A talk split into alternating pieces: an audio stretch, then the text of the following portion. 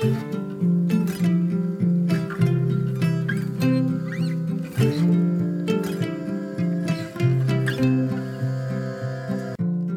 och välkommen till For Health med Anna Sparre!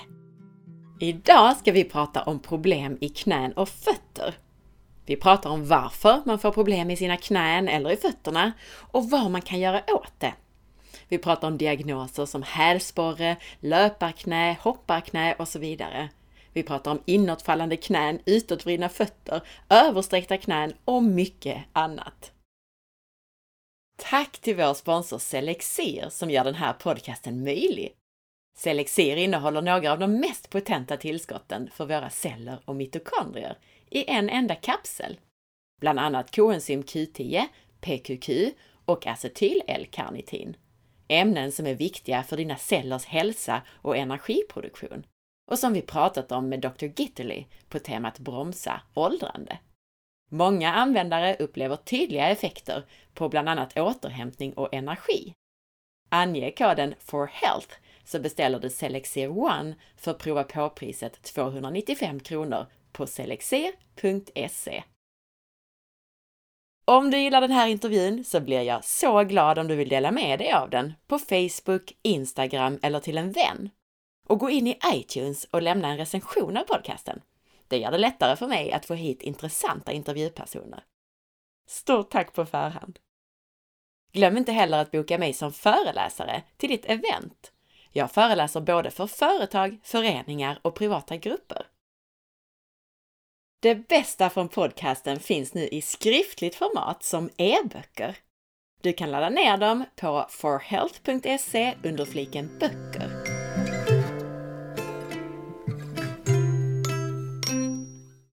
Marcus Greus är experten på postural träning som vi pratade med i avsnitt 176. Så vill du lära dig mer eller veta mer om honom, så lyssna på det avsnittet. Välkommen tillbaka Marcus! Jätteroligt att få prata med dig igen. Tack så mycket, kul att prata med dig också. Idag så ska vi ju prata om knän och fötter och problem i knän och fötter. Precis. Och min första fråga är som vanligt, varför får man ont i knäna till att börja med? Knäna handlar ju väldigt ofta om en snedbelastning. Många har hört talas om det här med inåtfallande knän. Det betyder att när man går och springer och går i trappor och gör knäböj och utfall och sådär så, så faller ju knät inåt, alltså i förhållande till mittlinjen då. Och det här orsakas av en stabiliseringsproblematik helt enkelt. Och eh, då är det ju då är det så helt enkelt att inom som sjukgymnast då som jag jobbade som förut då så kunde man jobba väldigt mycket med att stärka då själva framlåret, baklåret kanske och sådär också för att man tänkte att problemet ligger i att man är för svag helt enkelt i muskulaturen kring själva knät i sig. Men det visar sig att det handlar inte om de musklerna alls i den utsträckningen som, som man trodde utan det finns andra muskler som sitter mycket längre upp, alltså uppe i höften och eh, även till viss del runt knät men, men även nere i fot underbenskomplexet då som man behöver träna upp för att man ska få ordning på detta då. Och när du säger det här med att knän kan falla inåt eller utåt så känns det rent spontant som att det oftare är så att knän faller inåt på grund av det vi har pratat om tidigare, det här med att man går med utåtvridna fötter. Precis. Det är det absolut. absolut. Sen, sen, finns det olika naturligtvis som alltid så finns det olika varianter på det här. Och det kan ju vara så att man rent generellt är kobent, alltså man har vad som kallas för eh, genevalgus, ett latinskt uttryck då som beskriver just att man är kobent eller att man är hjulbent, vilket kanske inte är lika vanligt som kobent men det i kombination med att själva lårbenet då är inåtroterat så, så brukar det alltså bli en snedbelastning. Sen kan det vara så att någon har översträckta knän eller att man går med böjda knän och det kan ju hänga ihop med att man har råkat ut för en skada eller att man har tränat sig för att man har fått höra att ja, men det är bra att ha lite böjda knän. Man ska inte översträcka knäna när man står. Och man har kommit in i, en, i ett sånt mönster på grund av att man har tränat sig in i det helt enkelt. Och det kan ju också skapa problem bland annat med främre knäsmärta. Då. Så det finns många olika varianter där. Och jag ska förtydliga, alltså det jag menade där för lyssnarnas skull här, det här med, vi har ju pratat om att många går ju med fötterna utåt så att säga, tårna pekar utåt. Och om då knäna pekar rakt fram i den positionen så betyder det ju att när man väl sätter fötterna rakt så kommer knäna att falla in. Precis, så man kan, ju, man kan ju på ett enkelt sätt kolla sig själv då om man har inåtvridna knän för att även om knäna kanske knäskålarna då pekar rakt fram när man står och fötterna pekar ut så man bara ställer fötterna rakt, det vill säga tredje tån rakt fram eller mitten delen av foten rakt fram så brukar då om det är så att man har inåtvridna knän så pekar ju knäna inåt när fötterna pekar rakt fram och då, då anser vi att det är inåt, inåtvridna eller inåtfallande knän. Då. Och när du sa då roterat lårben, är det det här, alltså är det det som sker när man har inåtfallande knän i regel? Precis. För att det, det är så att eh, knäet är inte, det, det består ju då av lårbenets nedre del och sen så är det ju även då underbenets övre del och sen så har vi knäskålen.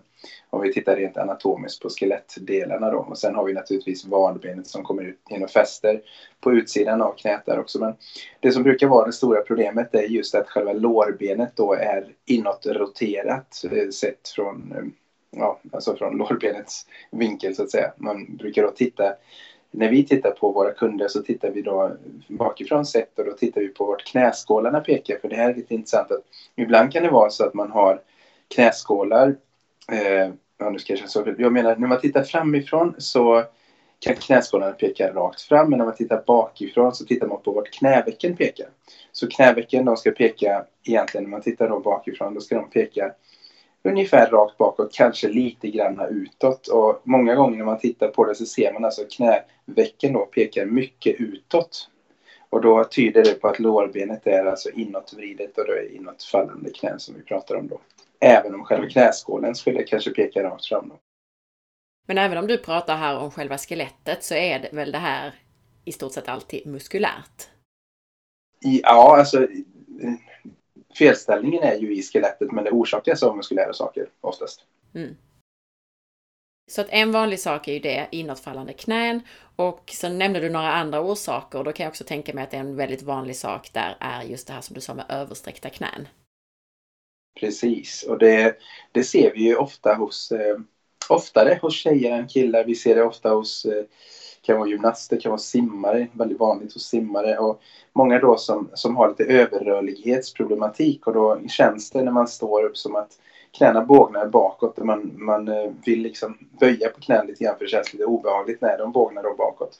Men det här är då väldigt tätt kopplat rent hållningsmässigt till bäckenets position och till funktionen i våra kära höftböjare som jag pratat om så många gånger förr. Och just att de inte riktigt gör sitt jobb och då man brukar se hyperextenderade eller översträckta knän då, det brukar man se i kombination just med inåtrotation i knäna. Och det här orsakas då ofta av en svaghet, relativ svaghet i ellipsoas. Så då har man ofta den här eh, för lite svank längst ner. Men vi har pratat om det här som du säkert kommer ihåg, att man kan ha lite för mycket svank längre upp i, i mitten av, av ländryggen eller svanken. Då. Och så har man för lite svank längst ner. Och det, det, är rätt intressant när vi ser då att vi får igång höftböjden så ser vi både att personer som har då ofta ont i ländryggen samtidigt som knäna, då får de en bättre funktion i ländryggen och att knänas översträckning försvinner. De, de får alltså en normalisering av, av eh, eh, rakhet så att säga så att det inte är översträckt längre. Om jag tittar på mig själv, jag har lite översträckta knän Eh, och hade i alla fall lite för hög svank. Jag har säkert lite fortfarande. Men mina knän, eh, de, och de var lite inåtfallande för det är de inte nu tycker jag. Mm. Så, det har inte helt, eh, så det har inte helt hängt ihop så att säga i, i mitt fall. Nej, det är klart att det kan finnas många olika, men vi ser det ofta i alla fall. Så att eh, självklart kan det finnas andra orsaker också. Det kan ju vara så att man har lite för Alltså, det är ju ledbanden, du har ju bakre korsbandet exempelvis som ska stabilisera knät i bakre riktning så att säga och då kan det ju vara så att man kanske har lite slack så att säga i korsbanden så att de inte riktigt håller ihop det. Så att det, självklart kan det påverka också exempelvis då. Men, men väldigt ofta ser vi i alla fall att eh, det är många som har haft översträckta knän som känner att nu, nu känns det inte alls på samma sätt längre och de har blivit normaliserade. Men det är ju inte alltid, jag menar i mitt fall så har jag inte ont till exempel eller har inte haft ont. Nej, och det är som sagt, det som, då får man ju titta också på vad, vad tycker man är översträckt och sådär. Det, det kanske är så, nu, är det så pass länge sedan vi tittade på hur det såg ut i, i ditt fall just, men allting är relativt. Det här med översträckning, då pratar vi sabelknän, alltså, så det verkligen är tydligt när man tittar från sidan att det, det är verkligen bågnar bakåt. Då. Och de, de brukar ju, jag för mig att inte du hade riktigt så mycket i alla fall. Så att, eh, och då är det inte några problem så har man ju lite anatomiska grundvariationer också. Så att det finns inget som är helt perfekt utan det är mer det här att det ska finnas en, en, inom en tolerans så att säga, inom en viss variabilitet så ska man vara hyfsat rak och sen så ska det ju också fungera när man rör sig för det är ofta där man sen får problemen ändå att det inte är stabilt i rörelse heller. Då. Om man nu har översträckta knän så kan jag tänka mig att det kanske gör ont, alltså att det trycker typ menisker och sånt, eller vad är det som gör ont då? Nej, alltså det kan ju vara lite olika, men det kan bli obehag runt själva knät. Det kan vara vid knäskålen, det kan vara att det blir en överbelastning på baksidan. Du har en liten muskel som heter popliteus där bak bland annat som kan göra, göra ont då. Så det kan vara lite olika strukturer beroende lite grann på hur det ser ut i övrigt. Om man har en översträckning i kombination med en en kobenställning och det kan ju finnas olika varianter då, men någonstans runt omkring själva knät brukar man få känningar. Det kan vara baksida, det kan vara framsida. Och sådär. Men fötterna då? Hur hänger det ihop? Varför får man ont i fötterna? Ja, vi har ju en, en, en mängd olika orsaker där naturligtvis. Men det ska vi börja titta på. Vad är det vi gör för att vi får ont i fötterna? Då kan det ju vara så att vi går för mycket, och då pratar jag om kvinnor, oftast då högklackat då. Och eh, just att det är för trånga skor, att man ska ju se till att man verkligen har skor som ger plats åt foten. Så att den kan eh, ja, få utrymme fram till, framförallt är det många skor som är för tajta, alltså så att tårna trycks ihop. Och att man har för högklackig kombo då, då blir det ju att eh, att det kan skapa problem med hallux valgus. Alltså det bidrar, det är inte bara att man går med fötterna utåt utan att man har för trånga skor kan bidra till detta. Så man ska ju se till att man har mjuka skor som tillåter foten att eh, ta utrymme inne i skon då. Det är det ena. Det andra är ju naturligtvis just det här att vi går med utåtvridna fötter oftast. Det är många färre som går med inåtvridna fötter än utåtvridna fötter. Så har vi utåtvridna fötter så blir det ju att vi snedbelastar på foten vilket då ofta skapar en pronation. Alltså vi faller in med, med fotvalvet. Och det i sin tur bidrar också till den här hallux valgusen eller, eller då eh, knölen på insidan av stortån. Och, har vi sen då har vi mycket spänningar i fötterna på grund av för trånga skor och så vidare så kan det också leda till hallux rigidus och det kan finnas invärtes orsaker till det också. Men om vi bara tittar på det rent mekaniska nu så har man alltså hammartå som, som en del personer kan få då. Och då bör man ju behandla, man är för stram i själva bindväven, fascian runt omkring och under foten då. Då bör man ju behandla det, då kan man göra det med en boll exempelvis. Nu, du vet det finns ju sådana här bollar som man kan rulla under foten. Och lite olika sådana här hjälpmedel så det är jättebra. Sen så kan vi, jag tänker vi ska filma en övning som vi lägger ut sen. Om inte vi redan hade den förut då. Som är bra för att just mjuka upp själva plantarfascian under foten. Så att det är ju lite grundläggande problematik och sen just också att man går på ett sätt och Tommy, kollegan, pratar en hel del om det här med att man inte ska gå med för långa steg och spänna sig i fötterna och så vidare. Utan man ska försöka hitta det här, då kan man lyssna på Tommys avsnitt, men också det här att man bara slappnar av i fötterna och lyssnar på kroppen, hur långa steg kroppen vill ta så att eh, foten får arbeta så som den är designad att arbeta. Och just tänka på att inte skorna i sig ska vara för stela då som jag nämnde utan det ska finnas en mjukhet i skon så att foten kan arbeta som om man skulle gå barfota då helt enkelt. Så, så där har vi väl några saker. Just det här när man om man tänker på hälsporrar och sånt så är, det handlar ofta om att folk tar för långa steg och då ja, man, man slår i hälen för hårt. Och det skapar ju en belastning och det kan bli att den här fettkudden under hälen den blir påverkad. Och Eh, man kan få häl, hälseproblem. Och det kan ju också hänga ihop då med just, ofta får man ju det när man springer kanske. Och i samband med att man har den här snedställningen i foten i förhållande till knät då blir det ju en torsion, det vill säga ett vridmoment i hälsenan för varje steg man tar. Och det är inte så konstigt att det kan börja göra ont då. Och var det sen sätter sig, var symptomen sätter sig, det kan vara olika för olika personer. För vissa personer, de kanske är svagare rent genetiskt i hälsenan än vad de är framme vid stortån. så de kanske inte märker det. De kanske inte får smärtorna i stortån fast den kanske inte ser perfekt ut utan de får det i hälsenan istället då. Så det kan ju variera då beroende på hur det ser ut ur en genetisk eh, eh synpunkt då. Och en av de första problemen där du sa, det var ju det här med hallux valgus och där har vi gjort ett helt eget avsnitt om det. Just det, det är så länge sedan, kommer knappt ihåg. Precis, men då kan man gå in på forhealth.se eller i iTunes och söka fram det och söker man på hallux valgus där.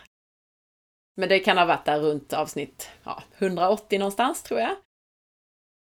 Och eh, Du gick ju snabbt igenom där lite grann kring orsaker och så, men det vi pratade mycket om där var just det här att eh, med de här inåtfallande knäna, att man är för svag så inte kan hålla, hålla upp knäna så att säga. Så att man går lite, det blir som att man går från hälens utsida fram mot tåns insida och får belastning där på den eh, hallux valgus-biten. Ja, stortåns, stortåns insida, precis. Ja, precis. Stortåns, stortåns insida, precis.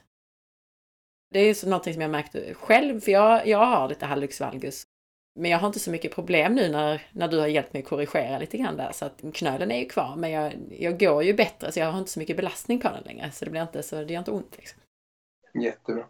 Och sen, sen eh, kan vi nämna också, det finns ju sådana här eh, ja, tåspridare, alltså olika märken, Correct Toes och sådana här som då man kan ha mellan tårna som hjälper till att sprida eh, tårna isär ifall de har tryckts ihop för, för att man exempelvis har haft då eh, för trånga skor och sådär. Så att det kan ju vara en, en, hjälp i det hela så att vi dels jobbar med fötterna lokalt i sig och sen att vi jobbar även då naturligtvis med att rätta till fotens förhållande till knät och höften så att allting funkar på rätt sätt så att vi får belastningen så att vi belastar från hälen och, och över foten så vi får den här naturliga svikten som vi är tänkta att få. Då. Och så får man lyssna mer på Tommys avsnitt där om just det här med isättningen av foten. För du nämnde ju det här att när man går med de här långa hårda stegen att det blir liksom hälen dunkar i sådär. När man egentligen ska landa mer ja. på, ska vi säga mjukt på nästan på hela foten så att säga. Precis. Helt rätt. Kan man själv se det här på sin hållning lite grann? Man kan ju se det här med knäna som du sa, alltså om man sätter fötterna rakt fram och ser om de faller in lite till exempel. Men är det något annat man ska titta efter i sin hållning när man har problem med knän eller fötter? Ja, det är ju naturligtvis, man kan ju ställa sig framför en spegel och bara gå på stället och sen stanna upp och, och titta då på var, hur ser det ut med fötterna om, om man inte har försökt styra dem. Då. Ställer de sig rakt fram eller ställer de sig utåt och gör de det så att de ställer sig utåt då är det ju läge att, eh, att börja göra någonting åt det. det första man kan göra det är då att man testar att ställa sig med raka fötter och känner efter då ifall det känns eh, naturligt. Och då menar jag att tredje tån eller mittenfoten pekar rakt fram och att man har ungefär en knytnävsbredd mellan fötterna då. Om det då känns som att det stramar i fötter, underben eller knän eller så när man står eh, på det här sättet då kommer vi ha övningar man kan börja med för att rätta till det här. För att om det känns konstigt att stå med fötterna rakt så kommer de inte ställa sig rakt när man går heller. Och då kommer det bli en snedbelastning. Men eh, om det är så att fötterna pekar lite grann ut och knäna också pekar lite grann ut så att de är i linje med varandra. Om man ställer fötterna rakt och det känns helt okej, okay, ja, men då har man förmodligen inte heller så mycket problem med fötterna. Och kanske inte heller knäna då. Men det här är ett första enkelt eh, första test kan man säga då. Så att eh, där har man ju där har man en första sak som man kan kika efter och sen Sen är det ju det att om man vill se hur det funkar, eh, om den här, även om det ser rakt ut när man, när man då står och det känns okej när man står, så kan man ju testa vårt grundtest som vi brukar kalla det. Och det är att, att göra en knäböj helt enkelt. Att man står med fötterna rakt på det här viset och då kan man ha ett par knytnävsbredder för det är oftast väldigt svårt att få till det när man står med bara en knytnävsbredd. Men kanske två eller tre knytnävsbredder med fötterna isär. Och sen så håller man fötterna pekandes helt spikrakt fram och hälarna kvar i golvet när man nu sätter sig med rumpan i princip rakt ner då. Alltså man går ner i en djup knäböj. Och sen så ställer man sig rakt upp igen och så provar det några gånger väldigt långsamt så att man verkligen man kan räkna till fem, fem sekunder ner, fem sekunder upp och kolla då om fötterna klarar av att hålla sig raka när man går ner och om knäna håller sig raka raka i förhållande till fötterna. Och om höfterna håller sig raka, för ofta är det så att antingen så vrider sig en fot utåt eller så faller ett knä inåt eller så skiftar höfterna i sidled. Så det här är bra att göra framför en spegel. Men klarar man då att hålla både fötterna, knäna raka och höfterna så att de inte skiftar åt något håll och samtidigt också en liten naturlig svank, åtminstone ner till 90 grader eller lite nedanför till och med. För det, det, är det som egentligen, om man tittar på barn när de går ner i en knäböj så ser man då att de håller det väldigt fint. Det har vi pratat om innan. Och det är många som i vuxen ålder inte längre klarar det för att vi blivit för svaga i just höftböjarna som då också styr knäts och fotens position i stor, till stor del. Så man kollar ifall man kan klara detta. Alla de instruktionerna. Så raka fötter, raka knän, raka höfter som inte skiftar och en naturlig svank minst ner till 90 grader. Sen kommer man tappa den förr eller senare. Men man ska ändå kunna gå ner med rumpan ända ner, ner till hälarna i princip då. Och sen upp igen då. Och så kolla, är allting rakt där så, så är, är det förmodligen så att saker och ting funkar helt okej. Okay, men ofta kommer man då se att det här sticker iväg. Speciellt på den sidan som man har ont i då, att foten vrider sig utåt där eller knät faller inåt eller höfterna skiftar åt ena eller andra hållet då. I den här då övningen där man kan titta sig själv och göra en benböj framför spegeln. Du sa ju några saker där, det gick ju snabbt eh, och jag tror man kan förstå det att man ska hålla koll på liksom knän och fötter om knäna faller in eller faller åt sidan och så. Men du sa också det här med att höften kan skifta åt sidan. Mm. Jag vet precis vad du menar, men det är inte säkert att alla lyssnare, alltså att, den, att liksom rumpan eh, sticker ut åt ena sidan kan man säga. Absolut. Varför gör den det? Är det att man är starkare i ena sidan eller vad händer då? Det, det brukar ha att göra med att man har en snedställning i bäckenet. Man kan ju ha ett bäcken som är framåt eller bakåttippat exempelvis då. Och då är man oftast, man, man har det och man är oftast i kombo med detta så är man ju svagare i ena höftböjaren. och sen kan man vara stramare då exempelvis i baklåret på den sidan. Och det gör, och runt om höften också, det kan vara på lite olika sätt. Men det leder helt enkelt till att man klarar inte av att lägga belastningen in i själva höftleden på rätt sätt. Och genom att skifta höfterna åt sidan så, så kommer man ändå ner fast man inte gör det på rätt sätt. Så det man ska titta efter är att man står då rakt med knän och fötter så att säga och så, så gör man en, en djup knä, knäböj och då skulle man titta så att allting ser rakt ut, ingenting sticker ut åt någon sida, ingenting faller in och sen just det här du sa med att svanken, man ska kunna bibehålla svanken väldigt länge, eh, ända ner till det sista steget så att säga. Ja, precis. Minst ner till 90 grader, eller strax nedanför 90 grader med, eh, så att rumpan är strax eh, nedanför knäna. Då. Mm. Men det är väl bra. Det här kan man testa och man kan bara testa och titta på sig själv i spegeln. Var knäna, om de faller in eller ut. eller och man kan titta ifrån sidled om de är översträckta eller inte. Och, och testa att gå framför spegeln sa du också. Så då kanske vi börjar få lite koll på hur det faktiskt står till. Men vad ska vi nu göra åt det här då? Ja, då, då har vi en massa, massa övningar vi kan göra naturligtvis. Och och eh, jag ska också bara tillägga det också att om det är så att man har ont och man tycker att ja, men jag klarar ju en knäböj jättebra, inga problem. Då kan det vara så ibland att man inte är man kompenserar i knäböjen så det inte syns. Och jag ska bara lägga till då att då kan man ju testa att göra ett utfallssteg. Och utfallssteg är att man bara står på föt båda fötterna vanligt som, så, som man gör när man ska iväg och gå. Och så tar man ett stort steg framåt och gå ner i ett utfallssteg så att man helt enkelt går ner i en enbens knäböj, vilket ett utfall är egentligen då. Eh, och sen pressa sig tillbaka upp och sen testar man med andra sidan likadant och det som ska hända där då ifall man gör det här testet är att foten även på, alltså låt oss säga att vi tar höger ben fram och så ett steg framåt med högerbenet och då går ner i, i, i utfall med det benet. Då ska ju foten hålla sig rak. Knät ska också hålla sig rakt så att inte det faller in. För det, det, när vi gör det ett ben i taget så, så ser vi mer om de här skillnaderna i, kring själva höften framförallt då.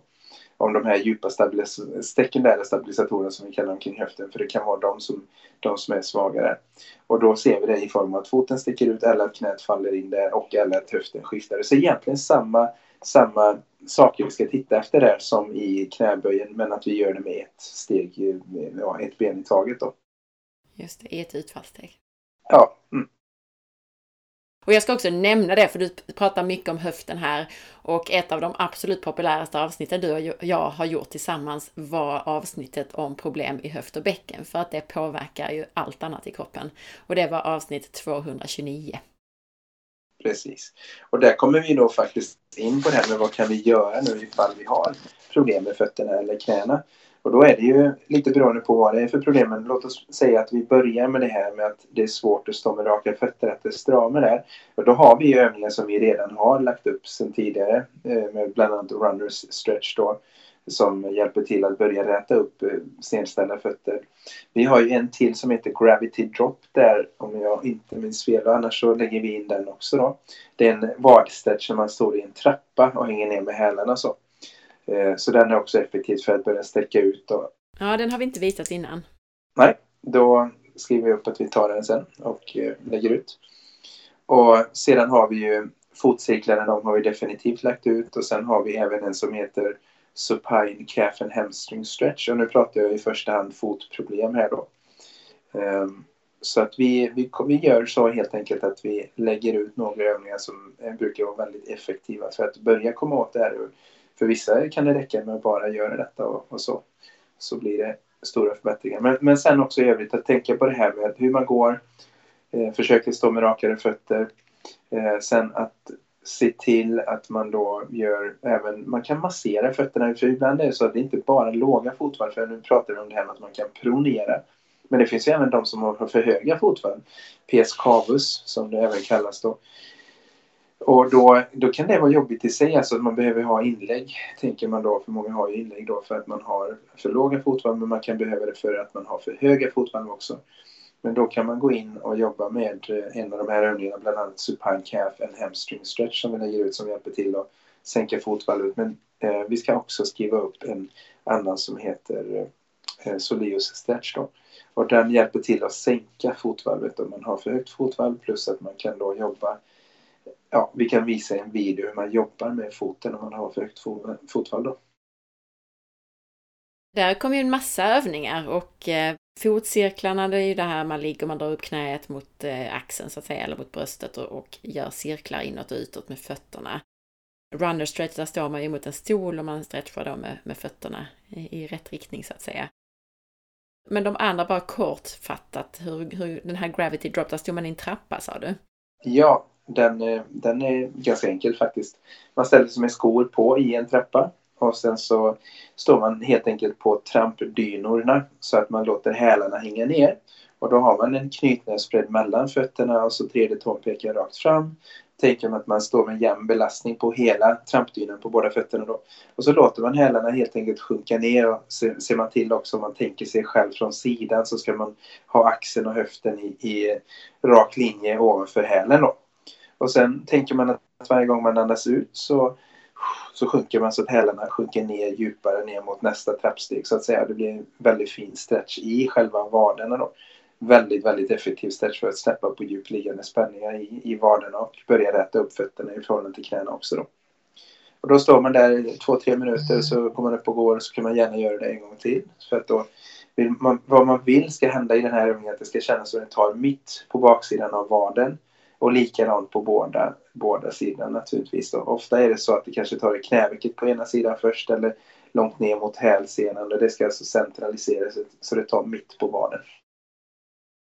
Det var några andra också, de här supine någonting kallade du mm. en övning för. Su supine calf and hamstring stretch. Den ligger man på rygg och så har man ena benet böjt, andra benet har man utsträckt och sen så har man då ett bälte, det kan vara ett bagageband exempelvis, som man trä runt eh, trampdynan så att man, man kan då ha den ena änden runt foten, trampdynan och sen andra änden så håller man då med händerna om det här bältet så att man kan hjälpa till när man sen har benet i rätt position vilket då är att man har ben, låren parallella med varandra och då låt oss säga att vi kör stretch på höger ben så har vi då bältet runt höger fot, alltså trampdynan och sen så kan vi dra med bältet lite grann i foten vilket leder då till att man får en ökad stretch i vaden. Men i övrigt så tänker man sig att man tar i med själva eh, framsidan av underbenet för att man ska få en stretch i vaden.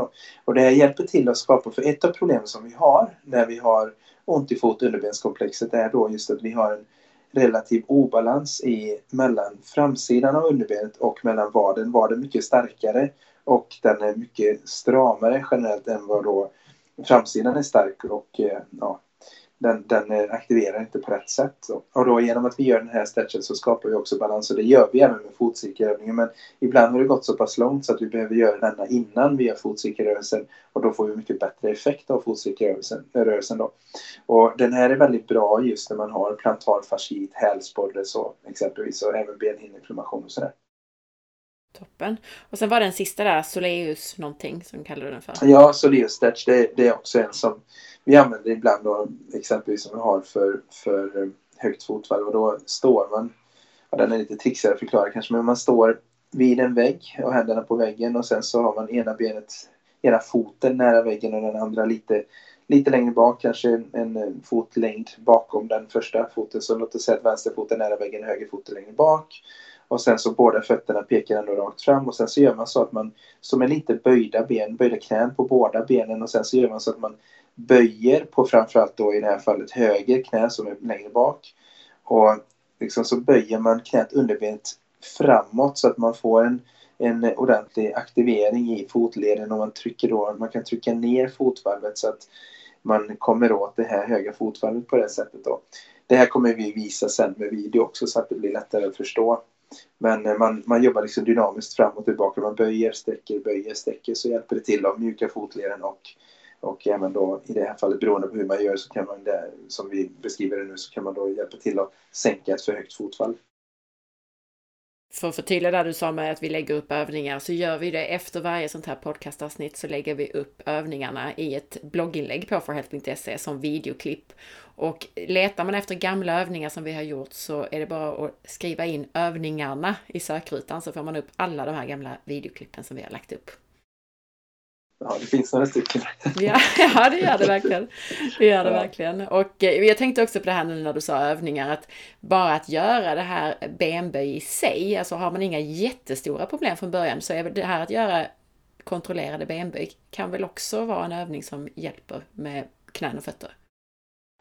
Absolut. Alltså, någonting som vi rekommenderar våra kunder överlag är att om man kan och det inte gör för ont, att man ställer sig exempelvis vid en öppen dörr och håller i dörrhandtagen och sen så går man ner då och håller fötterna kanske en två knytnävsbreddar isär, tredje tar rakt fram. Och så går man ner i en full knäböj med hälarna kvar i backen och det är det här som är det viktiga nu. Så hälarna ska vara kvar i backen och så försöker man hålla isär knäna lite extra så att knäna nästan är lite bredare än vad fötterna är då för att många vill ju då falla in med knäna.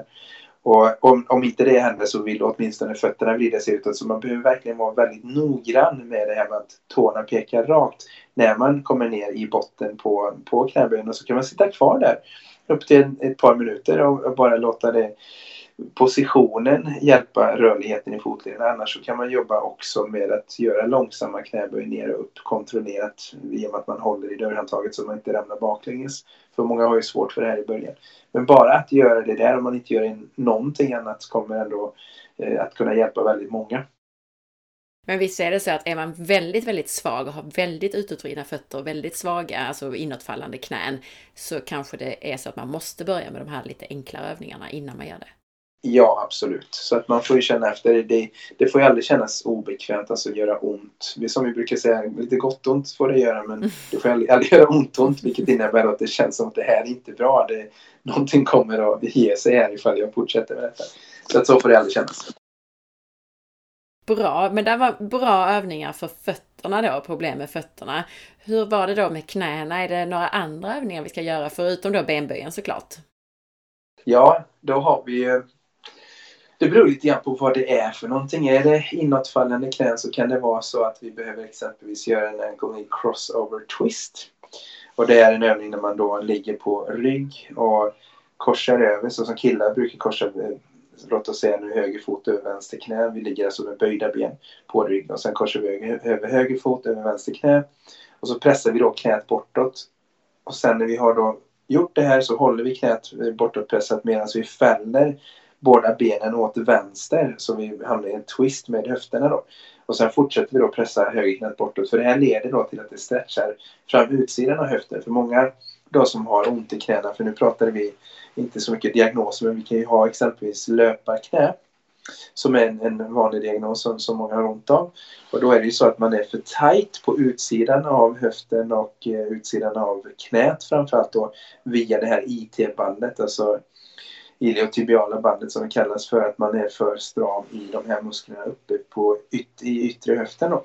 Och det här brukar man då ofta använda foam roller till annars så att man kan mjuka upp det. Men den här övningen ankle crossover twist hjälper då till att, att släppa på spänningen i den och gör också att man minskar inåtfallande tendenser i knäna i kombo sen med att man gör aktiverande övningar för att få höfterna att eh, bli starkare vilket då stabiliserar knäna. Och efter man gjort crossover twist så, så finns det andra övningar som man kan göra för att sedan aktivera de här stabilisatorerna.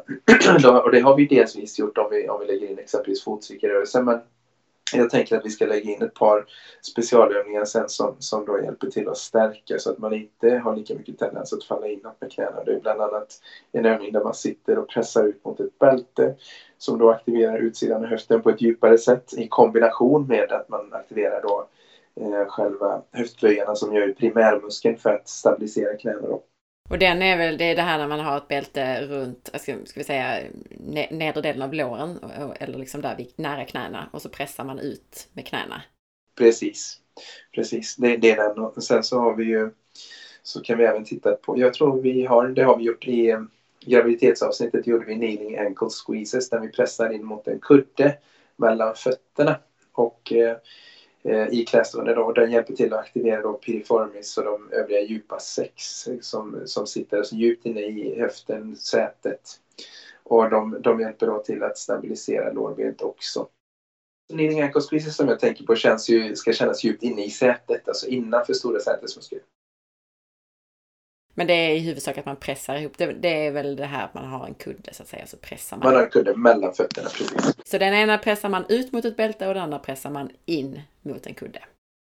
Något annat där?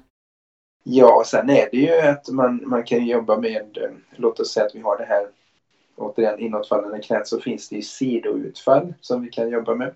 Och då kan man börja med att stå mot, med ryggen mot en vägg och sen tar man ett stort steg utåt sidan och sen så gör man helt enkelt utfallssteg istället för att göra framåt så gör man det i sidled. Men foten är ju en liten bit ut från väggen då. Och då kommer ju knät återigen när man gör det här sidoutfallet, det vill säga man, man, ja, man helt enkelt eh, istället för att göra framåt så gör man åt sidan och då kommer knät vilja falla inåt innanför foten. Och då är utmaningen just i den övningen att man håller knät så att det hålls utanför, utanför foten och då utmanas de här mycket, mycket hårdare, de här stabilisatorerna som ska sen se till när man rör sig och går i trappor och springer så att, att inte knät faller inåt då. Om du gör ett sidoutfall åt vänster så ska tån peka åt vänster va? Ja precis, precis. Men, men man tänker så här, tårna pekar ungefär 45 grader ut men knät ska vara lite mer utåt ändå så att vi hamnar med knät utanför foten i alla fall. Då. Just det, och det vanliga är att knät faller in mot mitten.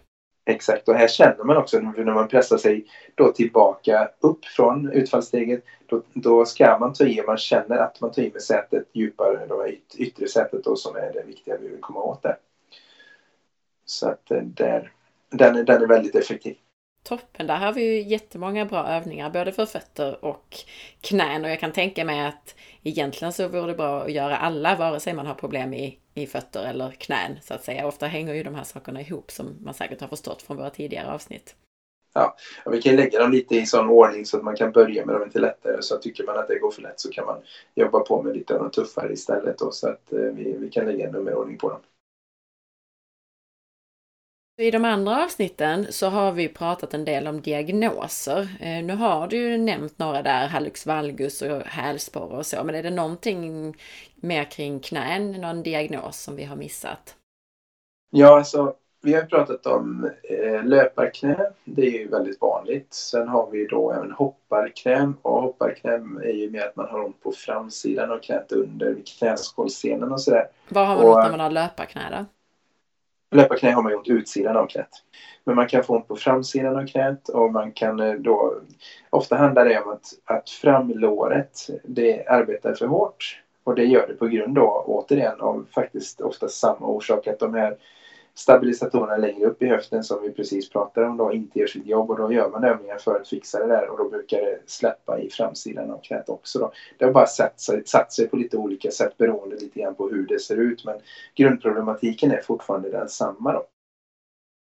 Där kan man också lyssna på de här avsnitten med Tommy. Att ett så vanligt fel som han tar upp i de avsnitten är det här att man när man går och springer att det känns för mycket i låret istället för att man använder höftböjaren så att säga när man rör sig.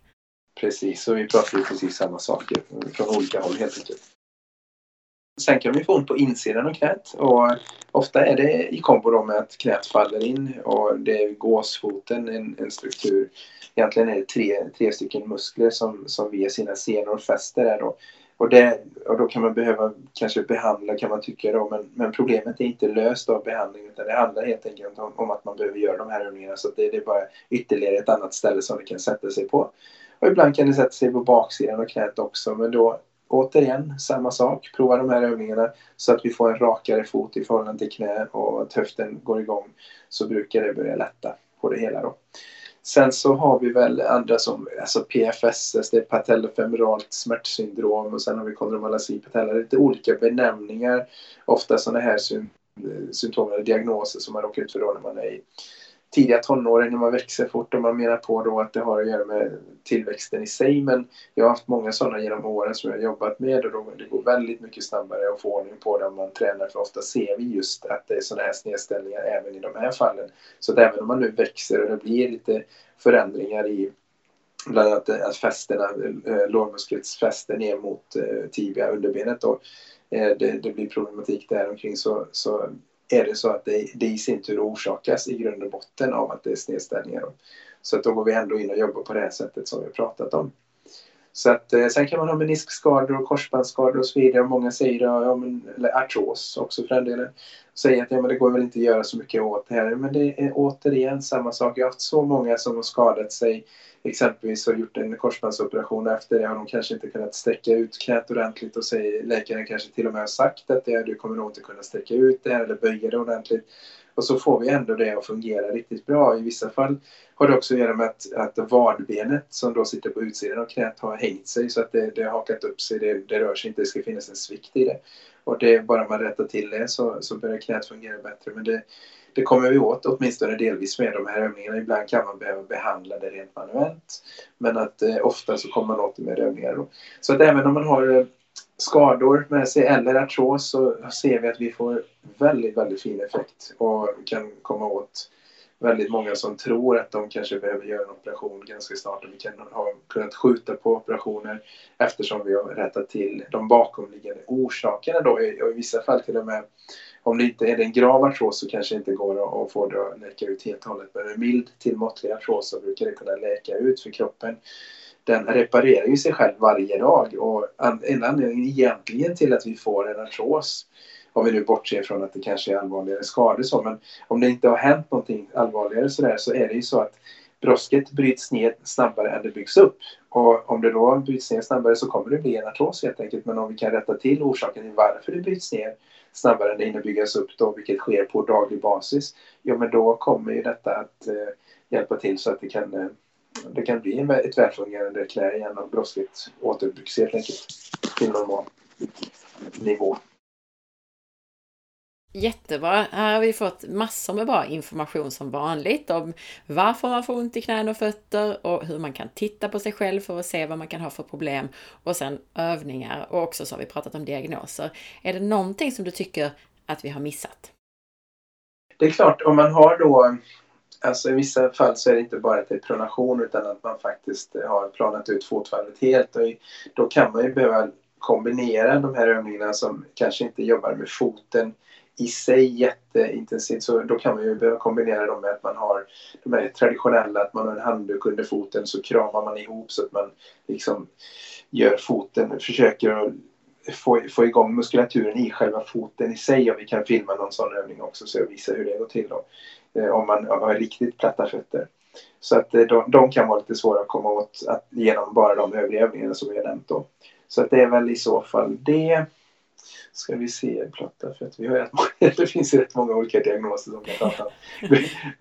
det finns ju även, även eh, benhinnor nämnde jag lite i förbifarten så gubbvader. Jag har haft flera stycken nu sista, sista året med ett gubbvad och det är lite ökat tryck pratar man om då i vaden och så vidare. Men det brukar handla om samma saker som vi ändå har gjort. Så. Jag är ju själv eh, gammal gymnast. Det var ju många som fick benhinneinflammationer. Ja. Vad, vad beror det på? Ja, alltså, ofta, det har dels med rörelsemönstret att göra att man spänner sig när man går och springer. Då. Men sen är det just det här att det synkar inte ordentligt mellan fot, underben och lårben utan man har en viss snedställning så att man man kan säga så här att underbenet lever sitt eget liv i förhållande till lårbenet och, och även foten. Då. Och då genom att man går in och gör exempelvis den här supine calf and hamstring stretch och gör de här fotcirklarna riktigt ordentligt så att man känner att man får balansen mellan framsidan av underbenet och, och vaden då. Så, så brukar det rätta till sig. I kombo ska jag säga också naturligtvis återigen med det som händer uppe i höfterna. Så vi har inte den här belastningsfördelningskedjan i bra funktion det, det som så fort när du, när du belastar dina ben, då belastar du foten och den, den ska ju fort eh, skicka vidare så att eh, belastningen fortplantas upp till knät och upp till höften. Men det gör ju inte det ifall vi har de här snedställningarna som vi har pratat om. Och då blir det för hög belastning just vid eh, benhinnan i det här fallet som man får upp där. Och återigen så återkommer du till det här med höfter, så jag vill bara återigen påminna dels om att lyssna på avsnittet om höfter, avsnitt 229, men också om man tycker att det här är intressant men att det går lite snabbt. Vi har gjort ett första grundligt avsnitt där vi går igenom allting från början och det är avsnitt 176, det första avsnittet med Marcus Greus. Yes. Någonting annat? Ja, det, det är väl, alltså behovet är ju enormt och vi jag kan ju nämna att vi, vi håller i de här utbildningarna i, i optimummetoden där man får lära sig hur man, om man, om man dels vill lära sig för egen del bara att hjälpa sig själv och sina nära och kära eller för de som jobbar som terapeuter så har vi ju femstegsutbildning om man vill lära sig mer om detta och verkligen använda både övningar och speciella enkla behandlingstekniker för att komma åt då, både fotproblem och knä och höft, ja, hela vägen upp till huvudet. Då. Så att då, då håller vi utbildningen i det och det finns ju mer information på hemsidan och så. Ja men precis, man kan ju både komma och ska vi säga, få en slags behandling, alltså att man får övningar mm, privat anpassade. Och så kan man också utbilda sig då i den här metoden. Precis. Tusen tack Marcus för att du tar dig tid att förklara allt om kroppen för oss. Tack själv, det är jätteroligt att vara med.